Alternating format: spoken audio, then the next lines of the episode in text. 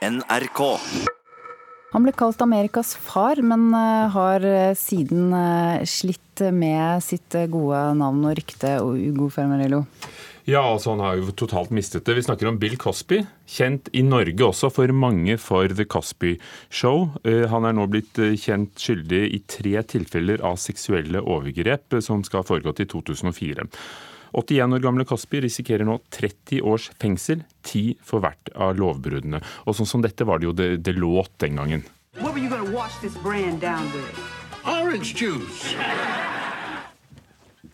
En liten eh, snutt fra Bill Cosby Show. Kulturkommentator i Dagbladet, Inger Merete Hobbelstad. Skal vi begynne med hvilken størrelse? For det er han. Er Bill Cosby, eller var? Altså, Vi snakker om en mann som var en av USAs aller mest populære underholdere. Altså, Det er liksom nesten sånn vanskelig i dag å se for seg hvor stort eh, The Cosby Show var. da. Det hadde premiere i 1984 og ble det mest populære eh, TV-programmet i hele USA. Eh, og det er, jo, altså, det er, jo, en del av minnene til veldig mange her også. Altså, dette var et program hvor familien kunne benke seg og se da Cosby og da den TV-familien hans danse inn foran skjermen i vignetten. Og, og, For mange kan derfor dette være litt sånn, nesten så vanskelig å forholde seg til, fordi dette var en mann som fremsto som så eiegod ikke sant, i sine forskjellige fremtredener. Eh, og som nå viser seg å ha gjort eh, eh, ganske uhyrlige ting. Men det er jo selvfølgelig enda vanskeligere for ganske mange svarte amerikanere, fordi denne serien jo også, er jo også ansett for å være veldig viktig for å hjelpe andre svarte komikere, underholdere, til å få suksess. altså, Svarte amerikanere var jo på den tid i veldig stor grad fremstilt som kriminelle, som ofre når de opptrådte i populærkulturen. Dette var jo serien som viste frem altså svart middelklasseliv som alminnelig familieliv der man var, var bekymret for barnas utdannelse og eh, hvordan det gikk med dem på skolen og eh, hvilken konsert man skulle gå på på kvelden og sånn. Og det er en selvfølge, men det var sjelden kost da, på TV den gang. Og, og den dommen som ventes i dag, gjelder altså tre tilfeller av seksuelle overgrep i 2004, som man er funnet skyldig for. Men det er jo langt flere anklager? Det er til sammen over 60 kvinner som nå har beskyldt Bill Cosby for seksuelle overgrep. Og veldig mange av dem beskriver jo lignende historier. Det er at de har blitt dopet ned og enten blitt bevisstløse eller svimle eller uh, ute av stand til å bevege seg, og da har uh, opplevd at han har forgrepet seg uh, på dem. en side er at disse, veldig mange av disse sakene, de aller fleste av dem, er jo selvfølgelig foreldet. Dette har jo kommet frem i, i i stor grad i de senere år. Eh, så det er ikke så mange av disse sakene som kan eh, føres for retten. Disse episoden episodene av Cosby blir vel neppe sendt til reprise på TV, men har de likevel hatt en effekt som vil vare? Eh, absolutt. altså Oppi alt dette da, så går det kanskje an å sette pris på at eh, det tross alt hadde konsekvenser som var, var heldige. Eh, altså Man snakker jo om Det var en forsker som eh, coinet fra eh, setningen, eh, eller uttrykket 'the Huxtable effect', altså oppkalt etter Cliff Huxtable, som var denne legen som Cosby spi, spilte på i programmet. Ja, For han heter jo ikke Cosby Nei, i programmet, det, men Huxtable. Cliff Huxtable het han der. Og at dette kanskje var en skikkelse som gjorde det mulig for Barack Obama å bli valgt valgt, eh, nettopp fordi det uh, brakte den typen svart middelklasse da, ut til et uh, mainstream publikum. Men selvfølgelig kommer serien aldri til å bli, aldri til å bli sendt i reprise igjen nå, og det, jo, det hefter jo noe ganske mørkt ved navnet Cosby etter dette. Hvordan begynte det? Hvordan begynte Cosbys fall? Dette var jo saker som var uh, ute i offentligheten. Altså, det må sies det var enkeltstående tilfeller av kvinner som hadde hadde anklaget ham for overgrep. Det var en sak som endte i et veldig dyrt forlik.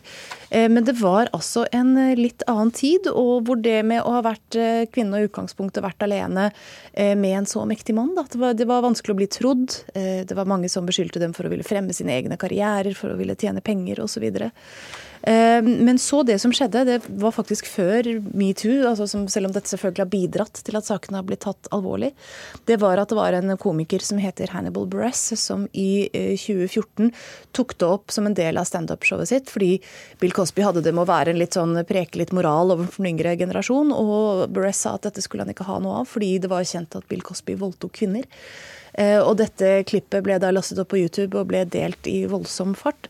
Og det var rett og slett etter det at, at, snøballen begynte å rulle, og at flere og flere kvinner sto frem, og at det ble så mange av dem, og de fortalte så like historier at det ble umulig å uh, ignorere. Hva sier Cosby selv? Han har hele veien nektet skyld. Han sier at uh, disse møtene var altså gjensidige, at det ikke var snakk om noen eh, tvang eller noe som ingen ikke ville. Eh, og han har også et team av jurister som har motsatt seg eh, veldig mye av det dommerne har kommet med i denne saken. Nå har de prøvd å få ham fjernet for de mener at han var fordomsfull.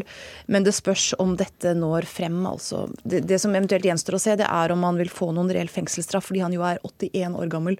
Han er nesten blind, og han går med stokk. og dette er da noe forsvarsadvokaten hans hevder at uh, bør legges til grunn for at han skal få lavere straff. Fordi han, uh, han risikerer opptil ti år for hvert av disse lovbruddene. Så dette er den juridiske siden av saken. Er dette likevel et symptom på Du nevnte metoo-kampanjen og emneknaggen som begynte med filmmogulen Harvey Weinstein. Er det et symptom på at mange av de sakene som begynte som anklager, vil etter hvert bli rettssaker? Eh, det gjenstår å se. Man regner med at vi kommer flere søksmål mot eh, Bill Cosby.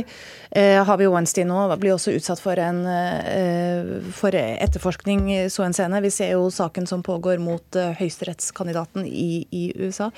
Altså Noe av det som har skjedd, er jo at altså det var veldig risikabelt tidligere å stå frem med historier om overgrep og trakassering med forskjellige ting som har skjedd de siste årene, og altså dette som også skjedde før metoo, så er det rett og slett at sjansen for å bli tatt alvorlig og for å bli trodd er blitt fryktelig mye større større. Og da er det jo det ene og det andre som kommer frem. Og Nå ventes altså dommen mot Bill Cosby i en rettssal i Pennsylvania i USA. Takk skal du ha, Inger Merete Habelstad, kulturkommentator i Dagbladet. Det skal handle om klær, øh, og ikke minst de klærne som vi ikke trenger lenger. Flere store kleskjeder, bl.a. Warner-kjeden og Hennes og Maurits, går nå sammen om et nytt manifest for å gjøre tekstilbransjen mer bærekraftig. Fem punkter har de satt seg fore om hvordan de skal forlenge levetiden på tekstilene og gjøre det lettere å reparere klær. Men hva vil skje i praksis, spør Fremtiden i våre hender. Når klærne dine blir ødelagt, reparerer du de, eller kjøper du bare nye? Kjøper nye. Kjøper nye. Hva med det? Jeg kjøper nye. jeg, det er litt forskjellig. Noen ganger så reparerer jeg, og noen ganger så kjøper jeg nye. Jeg pleier å kjøpe nye. Kjøper nye. Ja. Kjøper nytt. Vi nordmenn kjøper mye mer nye klær enn vi trenger. Og når vi er lei av klærne, kjøper vi nye. Jeg kjøper bare nye klær hele tida. Det har klesbransjen planer om å gjøre noe med. For i år går kjeder som Warner, Hennes Maurits og Lindex sammen om et manifest som skal være et steg mot en mer bærekraftig tekstilbransje. Tekstilaksjonen er en uh, gjeng med store aktører som har satt seg sammen uh, og laget et uh, manifest, en slang noen prinsipper, for hva vi har lyst til å gjøre for å gjøre tekstilbransjen til et bedre sted. Det sier Linda Refvik, som er Warner-kjedens representant i samarbeidet. I manifestet som kleskjedene har blitt enige om, står det bl.a. at de skal se bakover i egen verdikjede, redusere fotavtrykk og legge til rette for reparasjoner og gjenvinning. Men hva er det de faktisk skal gjøre, som blir annerledes enn i dag? Altså det er Hver forplikter seg til å jobbe med det. Det tror jeg er det første. Altså at Det er ikke sånn man sier at man skal gjøre det, men ikke gjør det. Jeg tenker at Det første er at man gjør noe med det. Men det noe, vi har ikke noe dokumentasjonsansvar i forhold til hverandre. Det har vi ikke. Jeg får inntrykk av at dette er et veldig første steg. Eh, det er i liten grad no, noe målbart. Det er ingen eh, tallfesta ambisjoner her. Og det gjør det jo veldig vanskelig å, å, si hva konkret de forventer å få til. Lederen i Fremtiden i våre hender, Anja Bakken Riise, er ikke veldig imponert over manifestet. For punktene kjedene har blitt enige om er fine nok, men hva kommer faktisk til å skje, spør Riise. Det er i veldig liten grad noe forpliktende, og noe eh, som si, altså det sier i liten grad hva de faktisk skal gjøre, og i hvor stor grad de skal ta det her i bruk. Riise sier at det uansett er massesalget av klær som er og forblir det store problemet. Og da kan man jo fortsatt jobbe litt med reparasjoner og gjenbruk på sida, men hvis du ikke gjør noe med dette massesalget, så vil det i liten grad ha noe særlig effekt at du, at du har en bigeskjeft som handler litt om reparasjon og gjenbruk. Er det noen sanksjoner hvis man trekker seg ut, eller ikke bryr seg om, eller ikke gjør noen ting etter å ha blitt med i dette manifestet? Da tror jeg de andre i eh, manifestgruppen i Tekstilaksjonen vil eh, stå på døren og si at her må det en skjerpings til. Ja, er, da tror jeg det blir et sterkt gruppepress. I tillegg til at brødrene Warner vil sette stopper for at det skjer. Og reporter var Daniel Eriksen. Vi har jo sett en utvikling Øystein Tronsli Drabløs, eh, kulturreporter. Eh, vi begynner oversikten over eh, dagens kulturnyheter med at Raymond, som han var kjent som, er gått bort. Ja, det er Øyvind Johannessen som da står bak denne Raymond-skikkelsen. Raymond, som han heter i Fredrikstad, er død bare 67 år gammel. Det bekrefter hans familie overfor Demokraten i morgentimene mandag. Um, han ja, slo igjennom i 1970-årene og, og, og 80-tallet på revyscenen, skriver Demokraten. Eh, men at det var, liksom, var Raymond, eh, karakteren, som på 90-tallet ble liksom hans dominerende eh, karakter. Det står ingenting om dødsårsak foreløpig, så det er det eneste som er kjent til nå. Da. Og sånn språk. Ja. Språkrådet fortviler over statlige navnebytter? Det gjør de. Dagens Næringsliv skriver at direktør Åse Vetås har sendt et brev til Kulturdepartementet Eh, og Der eh, fremhever hun at Språkrådet blir forbigått når statlige virksomheter skal velge seg et nytt navn, som da Jernbaneverket ble Bane Nor SF i 2016, og Fredskorpset nå i august ble Norsec. Vi har jo sett en utvikling der stadig flere eh, statlige virksomheter som velger nye navn, eh, gjør valg som eh, faktisk er i strid med den norske språkpolitikken. Og Det førte jo til at Kulturdepartementet i 2016 innskjerpa rutinene ved å sende ut et rundskriv til alle statlige virksomheter om hva de skal gjøre hvis de skal velge seg et nytt navn. Og nå ser vi at til tross for det rundskrivet, så er det veldig mange statlige virksomheter, eller stadig flere statlige virksomheter som da verken konsulterer Språkrådet, eller eh, hvis de gjør det, ikke lytter til våre råd i det hele tatt. Åse Vetås, direktør i Språkrådet. og Hvordan reagerer Kulturdepartementet på brevet? Eh, Vetås sier at uh, Kulturdepartementet sitter nå med en ny allmenn språklov, og at de skal se på fullmaktene til Språkrådet i de tilfellene her. Takk skal du ha, reporter Øystein Tronsli Drabløs. Bjarte Tjøstheim, bl.a. kjent som fast inventar i Radioresepsjonen i NRK, debuterte i helgen med soloforestilling 'Det går bedre nå' på Det Norske Teatret. Faktisk så oppstår ofte min angst pga. Dagsrevyen, pga. Alt, av alt det fæle som de snakker om der. Du Kristin, du tror ikke at jeg kunne bare fått en bitte liten timeout her nå? fordi at jeg kjenner litt på et behov for å få snakke litt om min bekymring for en eventuell russisk invasjon.